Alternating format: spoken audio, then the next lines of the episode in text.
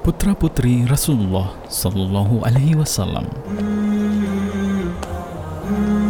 Pada zaman jahiliyah, kelahiran seorang bayi perempuan adalah lembaran hitam dalam kehidupan sepasang suami istri. Bahkan merupakan lembaran hitam bagi keluarga dan kabilahnya. Kepercayaan masyarakat jahiliyah seperti itu mendorong mereka mengubur anak perempuan hidup-hidup karena takut celah dan aib. Penguburan anak perempuan tersebut dilakukan dengan cara yang sangat sadis, tanpa ada rasa sayang dan belas kasih sama sekali. Anak perempuan tersebut dikubur hidup-hidup. Mereka melakukan perbuatan terkutuk itu dengan berbagai macam cara. Di antaranya, jika lahir seorang bayi perempuan, mereka sengaja membiarkan bayi itu hidup sampai berusia enam tahun. Kemudian si bapak berkata kepada ibu anak yang malang tersebut, "Dan danilah anak ini, sebab aku akan membawanya menemui paman-pamannya." Sementara si bapak telah menyiapkan lubang di tengah padang pasir yang sepi. Lalu, dibawalah anak perempuannya itu menuju lubang tersebut. Sesampainya di sana, Si bapak berkata kepadanya, "Lihatlah lubang itu." Lalu, sekonyong-konyong, ia dorong anak itu ke dalamnya dan menimbunnya dengan tanah secara sadis dan keji. Di tengah-tengah masyarakat jahiliyah seperti itulah Rasulullah Shallallahu Alaihi Wasallam muncul dengan membawa agama yang agung ini, agama yang menghormati hak-hak perempuan baik statusnya sebagai ibu, istri, anak, kakak, ataupun bibi. Putri-putri beliau begitu banyak mendapat curahan kasih sayang dari beliau sallallahu alaihi wasallam. Apabila Fatimah radhiyallahu anha datang, beliau akan segera bangkit menyambutnya sambil memegang tangannya.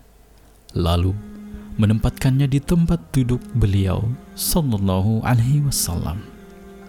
Demikian pula bila Rasulullah sallallahu alaihi wasallam datang mengunjungi Fatimah radhiyallahu anha, ia segera bangkit menyambut beliau sallallahu alaihi wasallam sambil menuntun tangan beliau dan menciumnya serta menempatkan beliau di tempat duduknya sebagaimana tertera dalam hadis riwayat Abu Daud, Tirmidzi, dan An-Nasai. Meskipun beliau begitu sayang kepada putri-putrinya dan begitu memuliakan mereka, namun beliau rela menerima talak atau perceraian kedua putri beliau, Ruqayyah dan Ummu Kalsum radhiyallahu anhuma dari suami mereka, yaitu Utbah dan Utaibah, putra Abu Lahab setelah turun surah Al-Lahab atau binasalah kedua tangan Abu Lahab. Beliau tetap sabar serta mengharap pahala dari Allah Ta'ala. Beliau tidak berkenan menghentikan dakwah atau surut ke belakang. Pasalnya, kaum Quraisy mengancam bila beliau tidak menghentikan dakwah, maka kedua putri beliau akan dicerai. Namun, beliau tetap teguh dan sabar serta tidak goyah dalam mendakwahkan agama Islam. Di antara bentuk sambutan hangat beliau terhadap putri beliau adalah sebagaimana yang dituturkan Aisyah radhiyallahu anha, ia berkata, "Pada suatu hari, kami para istri Rasulullah Shallallahu alaihi wasallam berada di sisi beliau. Lalu datanglah Fatimah radhiyallahu anha kepada beliau dengan berjalan kaki. Gaya berjalannya sangat mirip dengan Rasulullah Sallallahu Alaihi Wasallam. Ketika Rasulullah Sallallahu Alaihi Wasallam melihatnya, beliau memberikan ucapan selamat untuknya. Beliau berkata, "Selamat datang, wahai putriku." Kemudian beliau tempatkan ia di sebelah kanan atau kiri beliau. Hadis riwayat Muslim. Di antara bentuk kasih sayang dan cinta beliau kepada putri-putri beliau ialah dengan mengunjungi mereka dan menanyakan kabar dan problem yang mereka hadapi.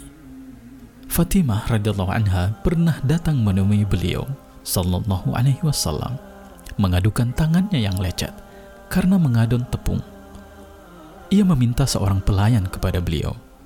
Namun Fatimah radhiyallahu anha tidak bertemu dengan beliau. Fatimah radhiyallahu anha melaporkan kedatangannya kepada Aisyah radhiyallahu anha.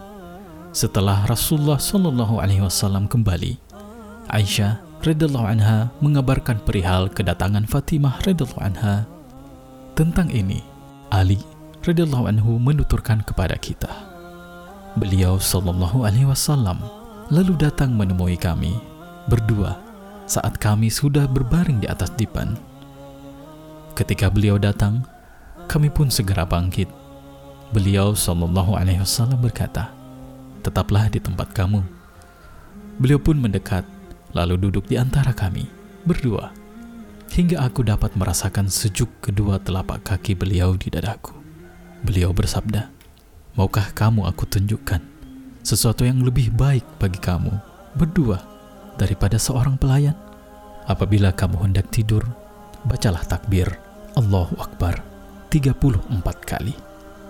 Tasbih Subhanallah 33 kali dan tahmid Alhamdulillah 33 kali.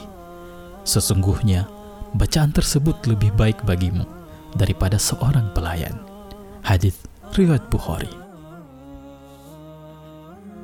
Sungguh, pada diri Rasulullah Sallallahu Alaihi Wasallam terdapat teladan yang baik bagi kita. Teladan dalam kesabaran dan ketabahan. Seluruh putra-putri beliau wafat sewaktu beliau masih hidup, kecuali Fatimah radhiyallahu anha. Namun, meskipun demikian, beliau tidak menampar-nampar wajah, merobek-robek pakaian, dan tidak mengadakan kenduri kematian, sebagaimana yang dilakukan mayoritas manusia sebagai ungkapan kesedihan dan bela sungkawa. Beliau Shallallahu Alaihi Wasallam tetap sabar dan tabah dengan mengharap pahala dari Allah Ta'ala serta ridho atas takdir dan ketentuan Allah Ta'ala.